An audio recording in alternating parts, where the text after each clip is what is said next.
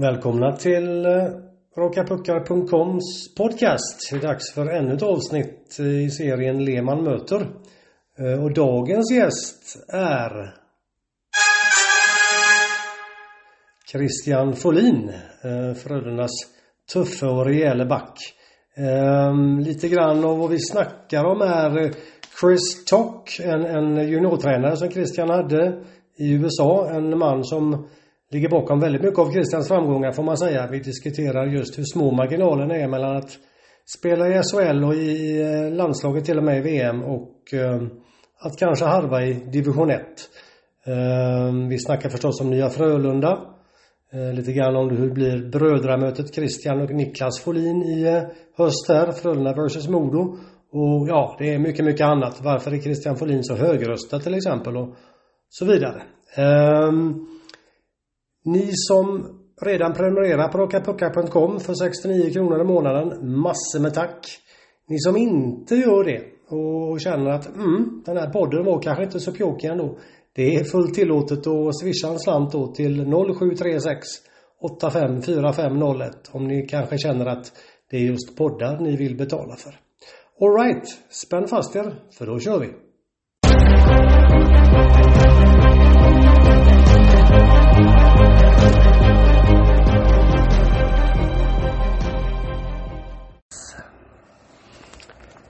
Du Christian, jag tänkte vi skulle börja, eller jag skulle börja med att citera Roger Rönnberg för dig. Ehm, jag pratade nämligen med honom nere i, väl när ni var i Visby tror jag vi snackade lite grann om det här med att ni har ett, tycker jag i alla fall, ett lite annat passningsspel i egen zon. Ni vill inte Oskarshamnsartat men ni vill ta er ur mm. egen zon på ett annat sätt. Och då pratar Roger om flerdimensionellt och så sa han ehm, där tar killarna ett otroligt ansvar på just bygga sådana saker och det gör att vi blir mindre spelsystem och Roger Rönnberg-styrt och mer Henrik Tummenäs och Christian Folin-styrt. Det är ett bra, bra citat faktiskt från han. Visst var det. Kan du utveckla det där lite grann? Uh, ja men det har väl varit en utvecklande produkt tror jag de senaste åren. Uh, det är så lätt när man har liksom ett styrt Ja men vi ska alltid gå ut på weak side, vi ska alltid gå upp strong side. Det blir så enkelt att man blir, man blir enkelt att läsa. Och vi har väl försökt utveckla det under, under min tid här liksom och bli bättre på olika, använda ol, eller flera olika, olika vägar ut. Eh, och framförallt nu den här säsongen har vi försökt använda sig av, använda oss av liksom kortare, enklare pass liksom ur, ur deras press. Ofta kommer lag liksom med en, kanske två killar. Kan du slå den första så har du ganska bra chans att, att kunna vända och komma ur enklare. Eh, det är väl någonting vi har försökt utveckla. Jag slogs av att Oskarshamn med Martin Flander, det har man ju sett då. För er som inte hänger med i SHL lika mycket som vi gör här så vill ju Martin Flander tränaren där. Det var likadant när han var i Malmö. Man vill hitta mitten väldigt mycket. Det är ett väldigt vågat sätt att spela och ni var där och touchade lite grann tycker jag. Hitta många ytor, lediga ytor i mitten. Har det med lite mod att göra, tycker du, att våga spela på det sättet, eller? Ja, det handlar väl mycket om mod och sen handlar det också om att veta att du har support i de ytorna. Eh, jag tror inte att vår grundidé är att använda oss av mitten för att komma ut men eh, det finns absolut lösningar där man använder sig av mitten och komma ut. Och det är effektivt. När det stämmer väldigt bra med en kille i mitten så är det väldigt svårt att försvara och forechecka och få fast dem när man använder det. Eh, sen så är det viktigt att ha, ha flera vägar ut. Ofta kan man försöka gå ut weak side, liksom andra sidan och försöka gömma en kille på andra kanten och slå en lång pass och komma med fart på den sidan. Allt handlar ju liksom om att äga mitten och flytta pucken och flytta försvararna egentligen. Och att hamna, de ska hamna i dåliga ytor så att vi kan komma på den andra sidan med fart och attackera där. Spännande, något att hålla koll på för er som eh, följer Frölunda. Ehm, rent allmänt så har du sett ganska bra ut på försäsongen. Låt vara att försäsong är försäsong. Eh, när vi spelar in det här så är det eh, tisdag är det väl idag. Mm. det är onsdag imorgon med andra ord. Eh, då är det så kallad upptaktsträff. Frölunda har tippats av många experter högt. Ni kommer säkert att få många topptips imorgon. Är du lite förvånad att ett, så ska vi säga, Roger har ju talat om och föreningen har ju snackat om en, en rebuild, alltså att eh, man har gjort om laget. Är du förvånad att ni redan nämns så högt?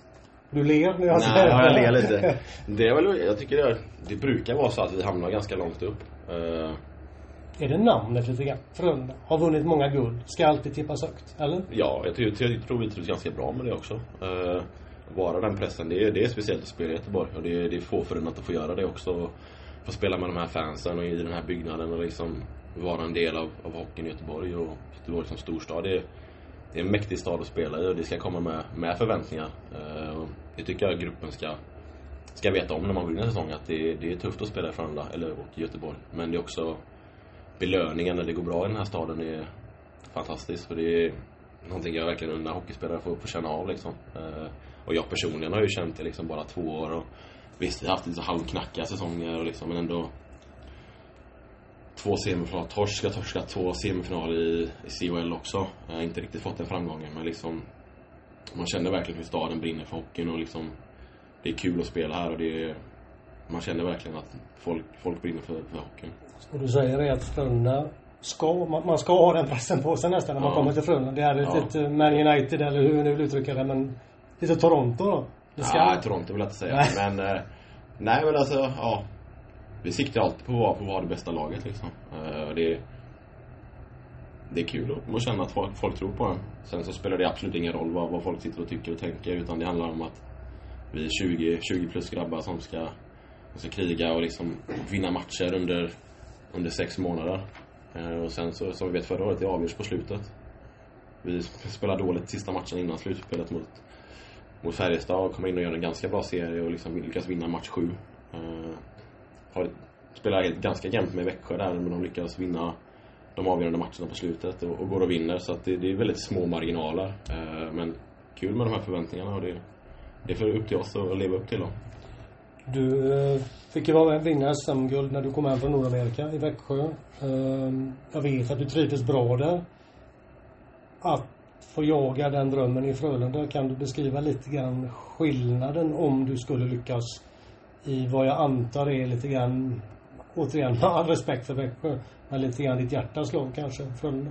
Mm, nej, det är ju fantastiskt roligt att få vinna liksom första chansen man får i en ny liga och komma in i ett, jag kom in i ett färdigt lag egentligen och fick vara en del av, av den processen där och, och lärde mig mycket av liksom hur det här spela, spela slutspel och spela de här matcherna under press. Uh, Sen så var det ett lite annorlunda slutspel med, inget, med inga fans och Just det, det var coronatider allt där. runt, runt omkring där men jag har sagt det tror jag från dagen ett att mitt mål och, är att vinna SM-guld med Frölunda. Jag har varit i Göteborg när, när grabbarna har, firat innan och stått på Götaplatsen och man liksom smugit förbi där och, och kikat upp och sett hur mycket folk det har varit på, på läktaren, eller på, på Götaplatsen. Så att det, det är någonting man vill göra och det är liksom Det är det man har växt upp med liksom. Jag var, satt hemma när jag var liten och de vann 2005. En sen övertidsmatch där tror jag va? Jajamän, jajamän. Pappa sprang ner och väckte mig bara, nu har de vunnit liksom. Och... Då var du 30, nej? Eh, När var det? 2005? 2005 ja. Ja, 14 fan. Ja, just det. Uh, så sådana grejer växer kvar liksom. Det är klart att jag... Sådana minnen växer kvar, finns kvar va? Och gör det liksom mer speciellt. Jag har sagt innan liksom, det... Det är lite annorlunda att spela i sin hemstad. Uh, man blir lite mer berörd när det går bra. Man blir lite mer berörd när det går dåligt. Man tar det lite mer personligt. Eh, men samtidigt, alla de här sakerna liksom vägs ju upp av att man får spela hemma och liksom Folk vet vem man är och man känner att man, man betyder något för staden och, och bygger hockeyn i Göteborg. Um, rebuilden som jag nämnde förut. Du får ju bland annat spela med din gamla vapendragare Kalle Klingberg igen. Eh, ni har fyllt på laget med, med, med spännande spelare. Men det är också flera då av, av, av dina gamla kollegor som har lämnat. Joel självfallet men mm. Larsson, Morsak och, och Purre och så vidare. Eh, sådan är ju professionell idrott. Man, man, du har varit i Nordamerika, du vet mm. precis hur det fungerar. Spelare kommer och spelare går. Och, eh, kan du ändå bara lite grann beröra hur, hur, hur känns det som, som spelare när man ser lagkamrater i en del fall måste mm. lämna. Och Louis Eriksson ska vi ju nämna också som inte ja, heller fick vara kvar. Eh, spelare som har varit med x antal år och som plötsligt, jaha okej, okay, nu var han borta och nu var han borta och nu var han mm. borta. Och så kommer det nytt. Va? Vi vid sidan om följer det på ett sätt men ni inne i gruppen, hur, hur är det? Uh, nu är det för min egen del så ska jag säga att det är tur att jag har varit i USA. Uh, de är väldigt liksom, cyniska och liksom jag har åkt på en del av den kakan också liksom. Om man blivit flyttad och redan från tidig ålder när jag sökte college och sånt liksom, ja du duger inte, du, du kan inte åka skridskor, du är inte tillräckligt bra. Fick du höra det? Det fick jag höra. De sa, jag hade ju college jag skulle gå in på. Och så stack jag, jag hade ju committade från Frölunda här. Jag hade Bemidji State jag skulle spela på. Stack över och spelade juniorhockey och så gick det två månader. Spelade vi inte bra i det nya laget liksom, med omställningen och allt det där. Och då sa de, vi har tagit bort ditt scholarship, vi har ingen plats hos nästa år. Sen så gick det några tag och så fick jag sparken från det laget, hamnade i ett annat lag. Och började söka nya skolor. Och det var flera toppskolor som, inte toppskolor, men skolor som var sämre än det laget jag hamnade till slut. Eh, som sa att nej men du är inte tillräckligt bra på att åka skridskor. Du kan inte göra si, du kan inte göra så. Eh, så att det är liksom, den här delen, jag växte upp med det där borta på ett sånt sätt så att det, det är klart att det är tufft. Och det är liksom jättetråkigt när det händer. Men det är, tyvärr är det en del av utvecklingen och det finns killar borta i USA liksom där föryngringsprocessen där är liksom extrem också, att det bara försvinner killar höger och vänster. Eh, och det var ju så min grej var i USA också liksom. Det går några år, du får spela lite mindre i några lag. Sen så kommer någon annan som tar ditt jobb. Det är liksom Det är så det ser ut och det är, det är hemskt. Det är inte riktigt samma så i ett vanligt arbetsliv att det kommer någon och bara plockar det liksom. Nej, det måste vara en enorm skillnad Ja. när du jämför det med dina vänner utanför åken som jag förutsätter att du har Ja. också. Som Nej, liksom- aldrig får uppleva den, eller inte får uppleva glädjen kanske att och få vinna ett SM-guld eller sådana saker. Men en helt annan vardag.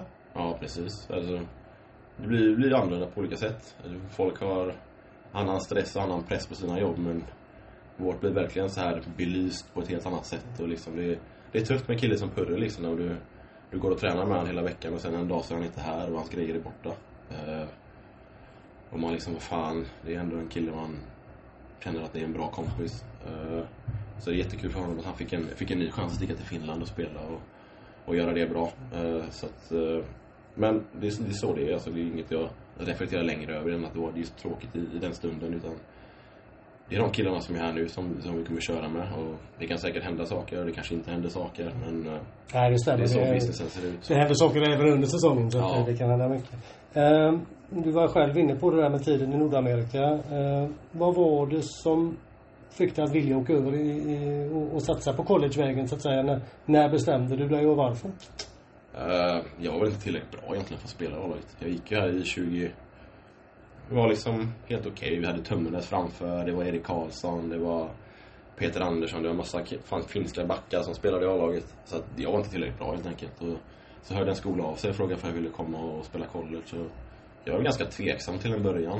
Eh, jag kände att det här liksom inte är för mig riktigt utan Oh, jag kanske vill vara kvar hemma, du vet, och bo hemma liksom och, och göra den här grejen. Men sen så, men, jag fick väl lite push hemifrån så bara, men Christian liksom Stick iväg nu, kör ett äventyr. Och vad är det- värsta som kan hända? Du kommer tillbaka om alltså 24 timmar är du hemma igen.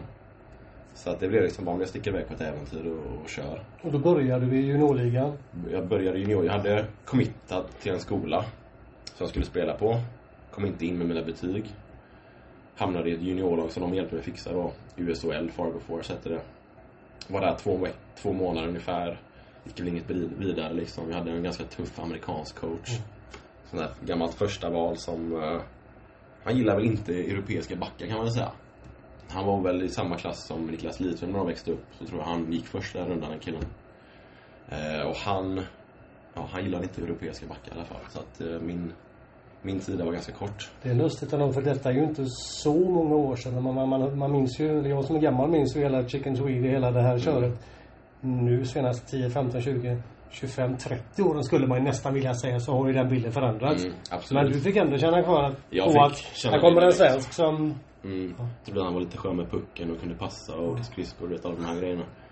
Och där var det väldigt så här rakt. Han var ju gammal, hård back liksom så. Eh, så att han var väl inte speciellt förtjust i mig då. Och sen så blev jag bortbytt där. Blev upphämtad av ett nytt lag några dagar senare. Och jag fick en jättebra tränare som hade varit i Sverige på de här russinlägren och sånt. Så han hade en helt annan förståelse för liksom det svenska tänket, liksom hur man är som människa. Man är lite mer kanske försiktig, lite lugnare men liksom så. Och han, inte, inte du väl? Nej men alltså det fanns ju en tid när jag var det liksom, när osäkert flyttade över dit liksom. Jag var 19 år själv. Lite, lite, lite så halvstrul med språket. Eh, och han liksom fick mig direkt, men kör, spela ditt spel. Hjälpte mig liksom att hitta rätt i banan liksom och få ut den aggressiva han kan verkligen vara sån som fick fram den här aggressiva spelstilen i mig. Liksom att kunna stänga spel, få stopp i mittzon, tackla, liksom använda kroppen på rätt sätt. För jag, jag gillade att tackla och så när jag var i Sverige också. Men inte alls på samma sätt att jag kunde få det till min, min egen vinning på något sätt. Så att uh, han fick en otrolig liksom, utveckling på mig och gav mig självförtroende och lyckades få in mig på college. Jag Hade två fantastiska år på college. Jag spelade med ett jättebra bra lag med många alltså, spelare som spelar i NHL nu. Uh, gjorde två, eller gjorde mitt första år jättebra liksom, helt okänd egentligen för NHL-publiken. Och så hörde det av sig lite scouter på om man skulle komma på development camps och sånt uh, under sommaren och jag sa ju nej till allt sånt.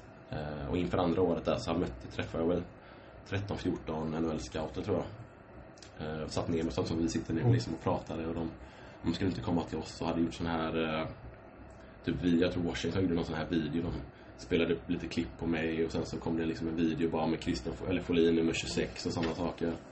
Sådana det väl seriösa grejer? Verkligen så här rekryteringsgrejer då. Bara det är en rätt god resa från att först ha blivit dumpad av ditt första mm. college Ja, precis. Att de, eh, de grämer sig nog lite med den karriären jag har haft och gjort de grejerna jag har fått uppleva. Men det känns ju som att den här, ursäkta, den här tränaren i, i um, var också USHL, va? Den ja han betydde väldigt mycket för din karriär. Ja, jättemycket. Ska du kanske namnge honom till och med? Ja, Chris Tok heter han. Han har till och med slutat coacha hockey nu. Okej. Okay. Eh, men fantastisk liksom... Eh, Måste spela en stark, eh, alltså en stor ja, roll i din karriär. Verkligen. Han var hård, rak och ärlig. Jag bodde faktiskt med dem, första han och hans fru, första månaderna. och deras son då. med otrolig betydelse liksom. Han var, han var hård och tuff liksom. Jag fick jobba i ishallen. För då skulle man ju betala liksom för att bo någonstans. Och i och med att jag var... De betalade för mig då, i och med att jag... När jag bodde där. Jag var, nej, precis, för jag skulle bo där hemma hos en familj. Så var jag tvungen att betala. Och då för att kunna betala av det så fick jag ett jobb i ishallen. Så jag var inne i ishallen. Vi tränade klockan ett tror jag varje dag. Och jag hade ju ingenting annat. Så jag var inne där och jobbade två, tre timmar på morgonen. Städade, liksom, fixade omklädningsrummet, tvättade, torkade, hängde tvätt och sånt och sen träna då. Så att han var, han var duktig och även på personligt plan så var, hade jag väldigt bra kontakt med honom under många år efter det. Som en fantastisk människa. Ja, väldigt bra. Uh, ska vi namnge laget också kanske? Var, var i USA? Uh, Austin Bruins i Minnesota. Austin i Minnesota. Även kallad Spamtown USA. Spamtown? Ja. Okej. Okay. Det har man ett slakteri där de slaktar grisar.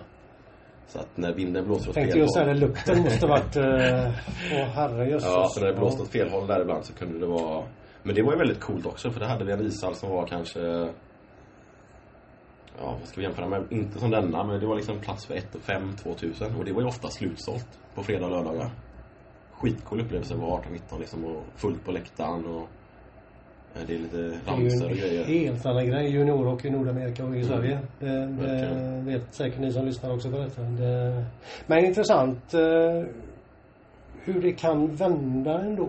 Det är så små saker som, som gör det liksom från att vara en helt medioker back och spela division 1 i några år till att liksom lyckas och spela, ja, jag spelat 250 matcher liksom. Och det är sådana små saker som liksom vad hade hänt om jag bara, men skitsamma, jag drar hem liksom. Eller jag skulle säga det, för, för, för att vara ärlig där. Om du inte hade kommit ett nytt USHL-lag. Min karriär har kanske varit så förstörd liksom. Ja, hur kan det vara det? Och det är all respekt för att spela division 1-hockey. Det är jättebra. Mm. Men, men viss skillnad på det och, och varit x antal år i NHL och, ja, och det... sitter här som en, en toppback i SHL och, och drömmer om SM-guld. Det är liksom, mm. om inte två ytterligheter så är det i alla fall väldigt långt däremellan. Ja, verkligen. Man får verkligen förstå liksom att det, det är så små marginaler som gör skillnad i, i det stora hela. Sen så är det klart att det är mycket jobb och arbete och liksom all tid och så men det gäller att du, någon någon ser dig göra någonting bra liksom bestämmer den här killen ska jag ha, den här killen tror jag på. Då kan det gå väldigt långt. Eller väldigt dåligt. Tänk vad lite det är. Ja, fascinerande. Du, eh, vad var, läste du ekonomi när du gick på college, eller var det? Eh, Någon business, var det inte det? Eller? Jag började business, hade lite strul med matten, så det blev, till slut läste jag eh, historia och eh, politik. Aha, så var det. En liten eh, dual concentration heter det i USA. Ja. Blandning då. Så jag läste i två och ett halvt år ungefär, så jag har mm. ett och ett halvt år kvar något du känner idag att du har haft nytta av eller att du vill sen plocka upp efter karriären eller var det mer någonting bra där och då? Det var mest bra där och då. Eh, jag tror med den bakgrunden man hade från skolan i Sverige så hade man väldigt bra koll. Eh, och speciellt på de här politiklektionerna kunde jag liksom gå in och läsa bara, men vad har hänt i Sverige de senaste veckorna och liksom kunna säga att vi har sju, åtta partier som delar på makten och liksom så. Och i USA har vi ett blått och ett rött. Och de var helt fascinerade av det här liksom. Och du hålla lite, du kunde hålla lite föreläsningar Ja, men alltså jag kunde läsa på internet tio minuter innan lektionen. Och fick liksom stående ovationer egentligen då, för liksom, de hade ingen aning hur, hur det är liksom någon annanstans i världen. Så det var smart om från min sida. Du var klok redan Ja. då. Ehm, jag var inne på, på Kalle Klingberg där förut som du känner väl. Mm. Ehm, flera bra spelare har kommit in utöver Kalle. Vi nämnde, jag tror jag nämnde det med Rydahl och Strömvall och Tömmernes och, och så har vi jättespännande juniorer med Edström och, och Stenberg och så vidare. Vad, vad, nu hoppar vi friskt mellan ämnen här men vi håller oss i alla fall kring Frölunda hockeyn. Vad känner du att ni är och vad känner du att ni kan ta vägen? Med detta lag? Jag gillar verkligen hur, hur laget är byggt med två väldigt bra målvakter. En backsida som ser otroligt fräsch och rapp ut. Eh, många killar har tagit kliv under sommaren och vi har fått in starka killar som eh, Max Lindroth och Hens är verkligen imponerad av hur, hur han spelar och förhåller sig på isen. Eh, men Max också. Spelar enkelt, rak, hård, tävlar. Eh, så jag gillar tävlingsnivån i, i alla aspekter. Du ser på träningen att det, det smäller framför mål och killar går dit. Eh, men inte för att skada varandra utan tävla för att, för att göra mål eller för att boxa ut. Och, eh, vill man vara som bäst mot slutet så gäller det att man sätter de här vanorna nu från början. Och att vi, ska inte göra, vi kan inte passa pucken in i mål varje gång som kanske har varit våra, varit våra problem de senaste åren. Liksom att man behöver göra lite, lite fulare mål och där kommer väl Kalle och Gurra och Öberg också verkligen driver på och trycker sig in framför kassen. Du har Torell som är helt orädd liksom, i situationen och kliver rakt in också. Han känns annars mer som en lite skön spelare, kvick och, och teknisk. Mm. Men jag håller med dig. När man ser honom, både på träningar och matcher, han skyr inte de här lite dirty areas. Nej, han kliver rakt in. Nu kanske det är för att han har galler på sig nu men eh, han kliver alltså absolut på träning nu. Han kliver rakt in. Eh, rakt in framför och det, det ställer frågor till oss som backar också för det, det kommer vi möta sen i den här ligan för den är så pass tuff och det är killar som, som gör allt för att komma dit eh, och tvingas, tvingar oss att utvecklas. Så att jag gillar den här rakheten. Eh, attackspelet överlag och eh, Sen så finns det saker man behöver bygga på liksom. Nu har vi haft det eh, mycket matcher. Nu får vi en tid så vi kan träna lite mer eh, och liksom verkligen toppa formen här inför det som, som kommer nästa vecka. Ni har Rögle på torsdag. Jag upprepar det. Vi spelar in det här på tisdagen. Är två rött till Rögle. Sen har ni en vecka då till Mm. SHL. Är, är det lagom tycker du att ha den där matchfria sju dagar eller sex dagar inför en premiär? Eller så man liksom kan komma om man Ja. kan snacka om toppform, vet jag inte första matchen i Nej. serien. Men, men alltså ändå vara så väl förberedd som man, som man vill vara. Jo, men det tycker jag. Eh, man kan ju gå två vägar där. Det finns ju liksom antingen så spelar du dig in i men då vet du inte hur du kommer svara sen efter några matcher. Det, är det, liksom, det, blir, det blir en lite svår balansgång där. Ska man Ska du spela dig hela vägen in och sen få en dipp i serien? Eller vill du kanske börja lite lugn, inte lugnare, men liksom med lite fräschare energi? För att det, det kommer ju vara lite, det kommer vara lite premiärnerver, man kommer vara lite extra spänd och liksom det kommer vara publik, alltså ordentlig publik igen liksom och kanske lite bättre is än det var i Mölndal till exempel. Eh, får vi innerligt hoppas. Ja, det är väl någonting man kan tänka på lite framöver här. Det kan vara kul att spela lite mer träningsmatcher på, på bra is. Det var jag vet när ni var på Gotland. Det var jättetrevliga människor och väl arrangerat som jag Mm. förstod det. Men isen var kanske sådär, Ja, eller? nej, men det blir ju tufft när Är det varmt också ska de här små hallarna, det är varmt och folk går in och ut. Och, alltså ut i publiken och folk går ut och köper hamburgare och kommer in och liksom det märker vi av i Skandinavien också ibland om det är någon regnig höstdag lite varmare att folk tar med sig regnvädret in i Skandinavien och gör att isen liksom blir lite sämre. Så man Ibland så hoppas man att det inte ska regna på, på, på hösten där men liksom Då är isen bra liksom. Men det här har ju varit Mölndal nu var ju katastrof första två perioderna. Eh, så att det blir ju lite annan hockey och det är liksom Det blir ju passningsspelet lidande och liksom Allt blir lite lidande men det är så det är, det är samma för, det var samma för Linköping liksom Så det gäller att liksom handskas med det och gå, gå vidare men Det blir annat SHL-premiären. Timrå borta, i alla fall Norrland. Mm. Det borde vara kallt. Där borde det vara kallt kan man tycka om inte de har värmen kvar fortfarande Eh, låt mig bara haka mig fast vid en sak du sa där med, med, med um, attack. Eh, Jag vet inte om du sa attackmentalitet men hela den här attacken på mål. Eh, Du nämnde Klingberg, Öberg och, och Rydahl tror jag du sa också. Eh, precis som du var inne på där. Det har ju talats om i Frölunda även innan du kom hit. Alltså det här med att, jag vet inte hur många gånger som Roger Rönnberg, och huvudtränaren, har, har stått och upprepat att vi måste göra det, vi måste göra det, vi, må, vi glömmer bort det här, vi väljer bort lägen och så, så. Är det de här spelarna som har kommit in som har på något sätt fått poletten att trilla ner? Att nu jäklar måste alla verkligen spela så här och inte bara prata om det? Eller är det något annat, någon som har slagit näven i bordet? Och... Nej, men du ser, när man ser resultat. När man pratar om någonting och vi ser resultat så har det varit de senaste åren. Så fort vi pratar om någonting pratar vi bara nu ska försvarsspelet vara bättre. Nästa match, mycket bättre. Så killar svarar jäkligt bra på liksom kritik och feedback och liksom jobbar på saker. Och även nu i början så att gå raka mot mål, attackera bortre stolpen, liksom driv hårdare. Då blir det automatiskt att när vi får utdelning på det i matcher, då kommer folk fortsätta göra det. Så det är liksom en balansgång då när vi att vi fortsätter göra det hela tiden och fortsätter få utdelning för det så kommer folk vilja göra det. Men samtidigt, det är klart att Kalle, en sån kille som Kalle och han rör sig framför mål, hur rak han är i spelet. Det är klart att killar ser det och ser, ser skillnaden liksom. Sen så har vi Max har ju alltid varit rak. Orädd liksom. Så att det finns ju killar som gör det. Men sen om vi har blivit för runda i perioder har vi pratat om också. Du ser Niklas Laser går in och, och driver många gånger framför liksom och skapar upp ytor för andra också. Så att det, det är flera killar som, som har det i sig och utvecklar det spelet. Som gör att vi kan få, få mer mål. Ja, för det, det tror jag många har sett att, att, som du är inne på där, det finns ju spelare som kan göra detta. Och problemet är väl snarast att det är flera matcher som sagt har varit det där steget tillbaka. Mm. Om det då är att man behöver få utdelning för att, vilket är naturligt, men eh, krävs det ju nästan att ni ska få utdelning många matcher för att ni ska Många matcher. fortsätta. Men också alltså nu även mot Linköping senast. De körde lite man-man och det, vi hade lite svårt i början att komma loss riktigt. Men till slut så vinner vi matchen på några sådana situationer. Laser ligger någon gång i målgården och någon petar in en puck. Backdoor, du har... Eh, Strömvall gör sitt mål när någon driver hårt på kassen och han bara kan glida Ja, runt nej, lägga gick runt buren där. Ja. Eh, Kalle får väl något på skott på sig liksom. Knä in en puck. Ja, jag vet inte hur många mål har du sett de senaste åren som har varit sådana egentligen? Att du skjuter på en pucken sitter på två, tre killar och blir mål? Nej, jag har noterat under försäsongen att, att det varit förvånansvärt många.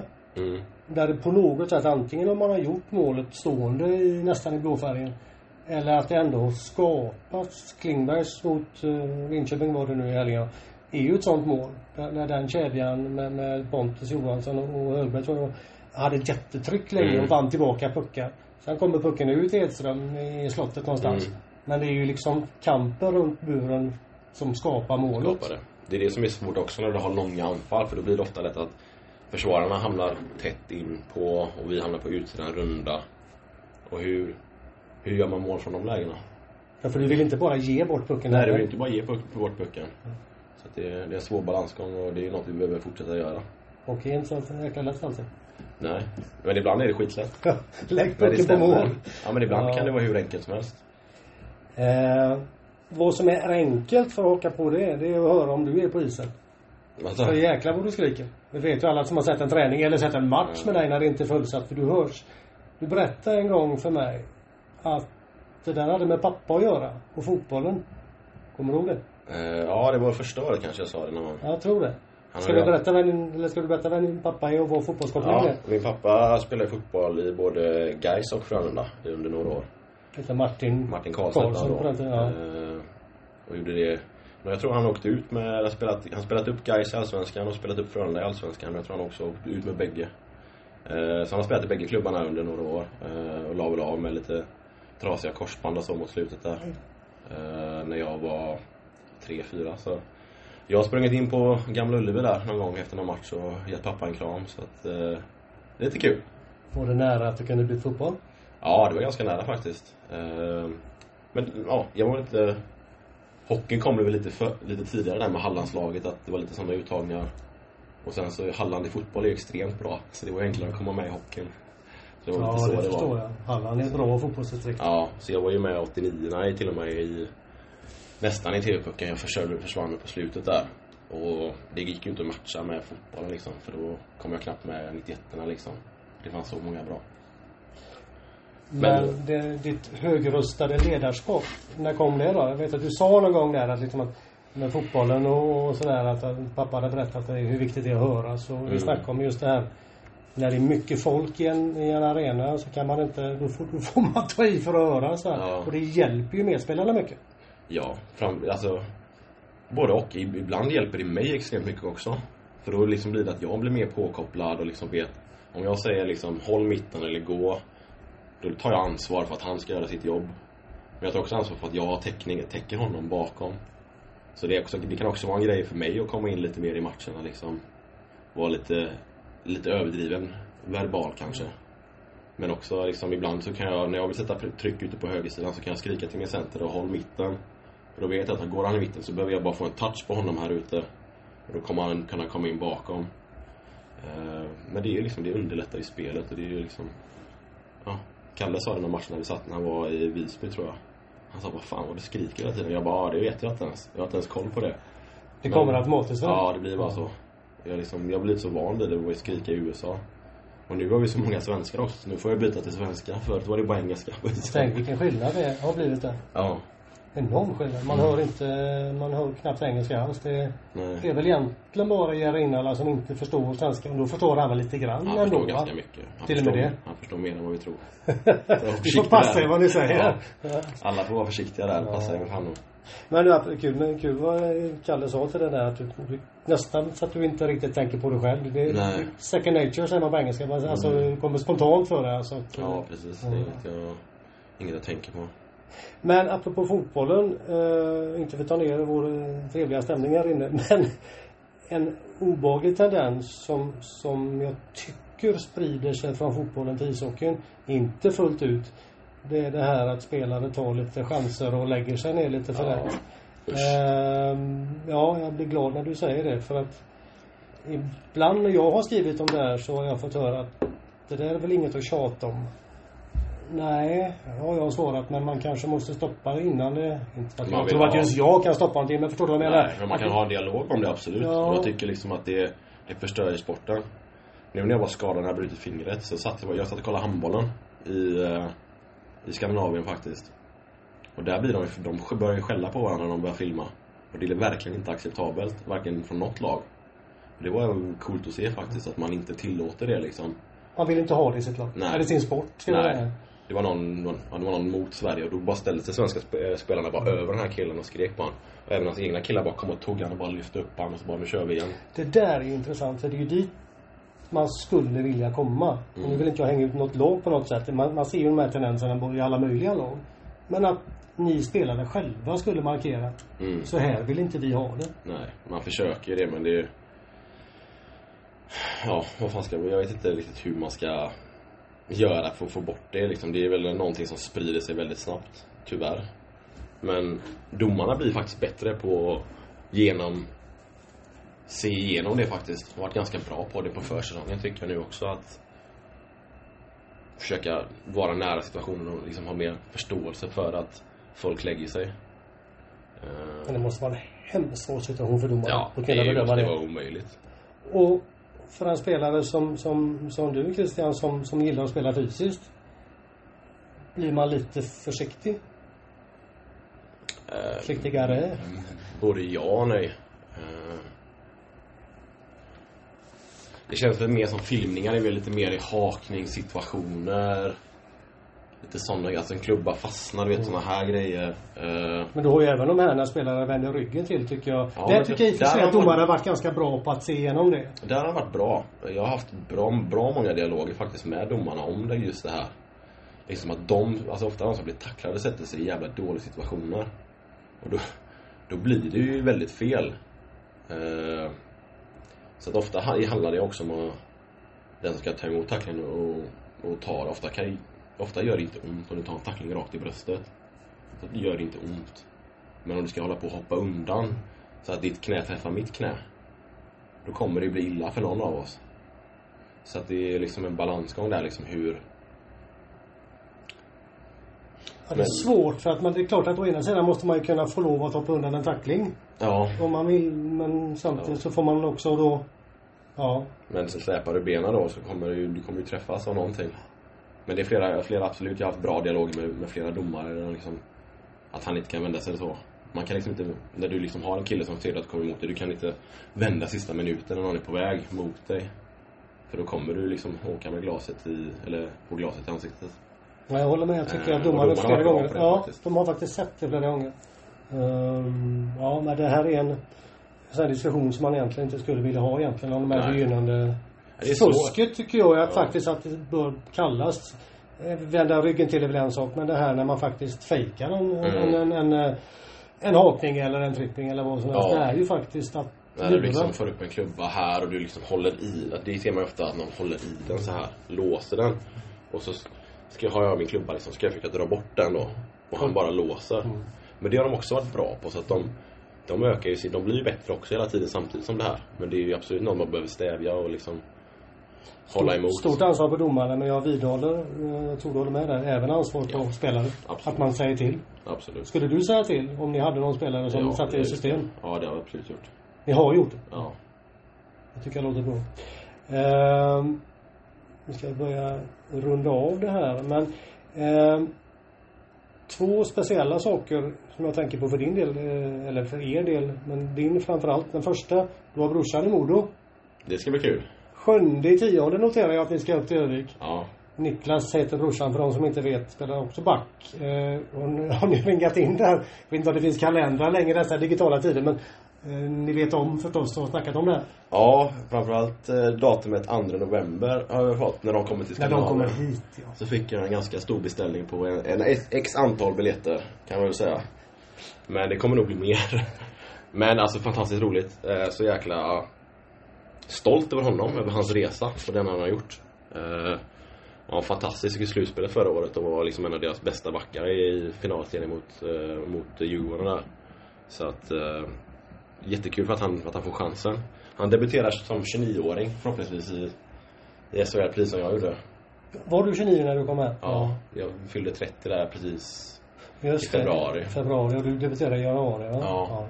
Så han kommer nog slå Det mig är över lite lustigt. Ja. Båda bröderna som 29-åringar. Mm. Han ska vi säga var också över i Nordamerika och läste väl på Mm. college va? Ja, precis. Det Så han gjorde det och sen så har han ju kört på i Allsvenskan och liksom gått på den stegen egentligen där. Han var i Västervik två år, Vita Hästen ett. Hängde med Kalin upp till Modo. Uh, körde två år där och så nu upp i SHL så det ja, det är coolt för honom faktiskt och det, det är något jag undrar honom för att han är en duktig hockeyspelare. Det är sådana underbara exempel det här med spelare som vi har haft. Anders Grönlund här i, i, i, i Frölunda Mm. tidigare och Isak Hens kommer här nu. Så Att unga killar, med det? Att ser att man måste inte vara Rasmus Dahlin Nej. när man är 16 år. Det är väldigt få som är. Nej, det är- det är du måste inte vara supertalang för Nej. att lyckas. Och Erik Borg också som kommer liksom. Vad var han för fyra år sedan? Var han i division 1 i Halmstad liksom. Eh, fantastiskt. Går in och spelar skitbra och gjorde det jättebra för oss i slutet förra året. Så att, eh, det går. Det finns flera olika vägar till, till samma mål och det, så var ju min resa till NHL också liksom. Den var inte, inte spikrak, jag var inte draftad, ingenting sånt. Så att, jag slog Jag började ju spela i NHL när jag var 24, tror jag, 25 liksom. Så att eh, det går. Eh, man ska inte ge upp. Och det är de här små sakerna vi pratade om förut. Liksom. Det, det kan vara så lite som skiljer liksom. Och det, det är det som är fantastiskt men också ganska hemskt. Du kan ju göra någon dålig match och så säger de bara Christian Folin ska väl aldrig spela igen liksom. Nej, om du råkar göra det i fel tillfälle när Ja. fel människa tittar. Ja. Hade han sett det tre matcher och så har det varit klappkast tre matcher. Han är Och så bara, nej han är inte bra. Då finns det någon som kan göra det bättre. Så är man borta sen. Eller så är det, han gjorde det skitbra. Det finns en anledning till att små marginaler har blivit en klyscha för att det ligger ju så vansinnigt mycket i det. Eh, en annan sak jag tänkte på, och det är mer för er som lag, men nu sitter jag här med dig. Eh, expert i TV4 kommande säsong. Joel Lundqvist. Hur, kul. hur blir det? Det kommer bli bra. Jag tror det kommer bli jättebra. Jag tänker på när han ska bedöma er. Hur kommer det kännas? Kommer han få våra matcher?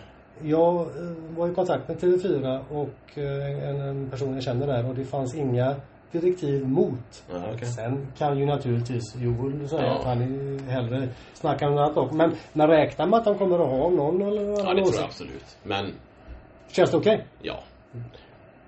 Jag tror inte att... eh, han kommer vara så pass professionell liksom i allt han gör så att det, jag inte ens, han kommer klara det galant liksom. Jag tror han kommer vara bland de bästa kommentatorerna. eller jag kommer vara expert kanske Expert, heter. ja, analytiker, expert Ja. eller vad man kallar det. Ja. Men eh, nej, jättekul för honom och kul för honom att han får testa på någonting annat. Men det, det blir nog en utmaning för honom. Han gillar ju utmaningar. Ska vi stanna vid eh, en personlig grej eh, och läsare och lyssnares vägnar så får vi passa på att gratulera för du gifte dig i somras. Ja, tack så hemskt mycket. Med Hanna, heter din fru va? Jajamän. Vad jag är nyfiken på är hur i herrans namn bestämmer man hur många av lagkompisarna som får komma på ett bröllop? Är det inte lätt att någon säger, men vad fan säger jag då? Var drar man gränsen exakt? Vi gjorde ju faktiskt så att vi Vi bjöd alla de som jag hade spelat med sen jag kom till Frölunda. Två år gjorde vi. Det var där någonstans jag kände att det, eh, vi skulle börja liksom. Ja, för då kunde du peka på någonting. Ja, ja. bara för min egen del men det är liksom, jag tror inte folk liksom Ingen skulle väl säga någonting heller liksom. Det är ändå en sån personlig sak. Det är liksom jag och min fru som ska gifta oss. Det är liksom inte Man ska inte Bara för att vi spelar hockey ihop så betyder inte det att vi är bästa kompisar. Sen så är vi kanske vi är jätte, jag är jättebra kompisar med alla men Kanske inte alla är väl med på bröllop eller liksom så men ja, vi kände att de jag spelat med två år De Hanna och tjejerna umgås med i två år eh, Kanske blir en bra gräns liksom Sen så får man känna bara hur många vill man ha på ett bröllop för det, det sticker iväg väldigt, väldigt snabbt Var det stort? Eller 100 pers var vi Så det var, det blev många Och så har man ju många man har, har spelat med Kalle och John och liksom det Det är bara att trycka på och så har man kompisar man spelar golf med och liksom så så att det är fantastiskt roligt var det Det roliga var ju här att en person kunde du verkligen intervjua. För han gifte sig samma dag. mm. Tom Nilsson. Ja precis Men han hade inte, han hade inte kvalificerat för den tvåårsgränsen heller Vad skönt att löste Ja. det problemet. Det var lite kul när vi kom på det att det var samma dag faktiskt Det var lite Det var ren slump. Ja Jag förstår ju att hockeyspelare behöver gifta sig på sommaren. Det blir lättare då. Men att ni prickade in samma dag, det var rätt Ja precis säkert. 8 juli Du, Christian Folin. Eh, vi stannar där tror jag. Eh, tack för att du tog dig tid. Inga problem. Mycket vänligt. Superkul. Tack eh, till er som lyssnade och tack till alla er som läser rakapuckar.com. Det är utan er så vore jag ingenting och sajten funnes inte. Tusen tack. Eh, häng med så får ni mer.